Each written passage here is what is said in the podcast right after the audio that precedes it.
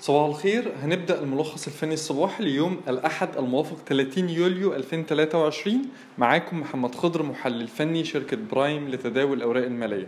مؤشر EGX 30 طول ما هو بيتحرك فوق مستوى أو فوق منطقة الدعم ما بين ال 17300 إلى 17100 من المرجح إن هو يعيد اختبار مستوى المقاومة القوي مرة تانية عند 17700 وبنفكركم إن الاتجاه قصير المدى لا يزال عرضي واسع النطاق ما بين ال 16500 إلى ال 18100 بالنسبة لمؤشر EGX 70 كانت قيم التداول تجاوزت مليار ونص قيم تداول مؤشر EGX 70 بنفكركم إن الاتجاه قصير الأجل. لا يزال صاعدا أعلى مستوى الدعم الأهم عند 3440 وبنرجح اختراق منطقة المقاومة ما بين ال 3544 إلى 3590 بالنسبة لملاحظات التداول النهارده أول حاجة عندنا أطلس اللي كسر مستوى مقاومة مهم عند ال 32 قرش ونص وبكده اتغير اتجاهه من الاتجاه العرضي إلى الاتجاه الصاعد ممكن يستهدف مستويات المقاومة عند 37 قرش إلى ال 40 قرش نظرتنا عليه إيجابية.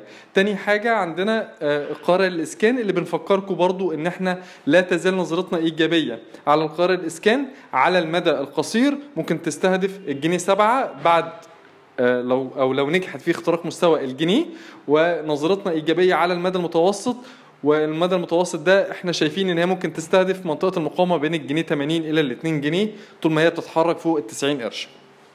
نظرتنا عليها إيجابية. ثالث حاجة عندنا الجيزة عمل المقاولات اللي كسرت مستوى مقاومة مهم خلال تعاملات جلسة الخميس عند 28 قرش. وبكده هي ممكن تستهدف مستوى ال 30 يليها ال 34 قرش نظرتنا عليها إيجابية. أخيرا عندنا ابن سينا اللي نظرتنا عليها إيجابية طالما هي تتداول أعلى مستوى دعم مهم عند ال 2 جنيه 5 قروش. حطيناها في تقريرنا الفني اليومي تيك توك مع توصية بالشراء توصية مدى قصير. منطقة الدخول المقترحة هتكون بدءا من ال 2 جنيه 18 وصولا إلى ال 2 جنيه 10 مستهدف أول هيكون عند ال 2 جنيه 40 يليه ال 2 جنيه 70 مستهدف ثاني مستوى في الخسارة زي ما قلنا عند ال 2 جنيه 5 شكرا.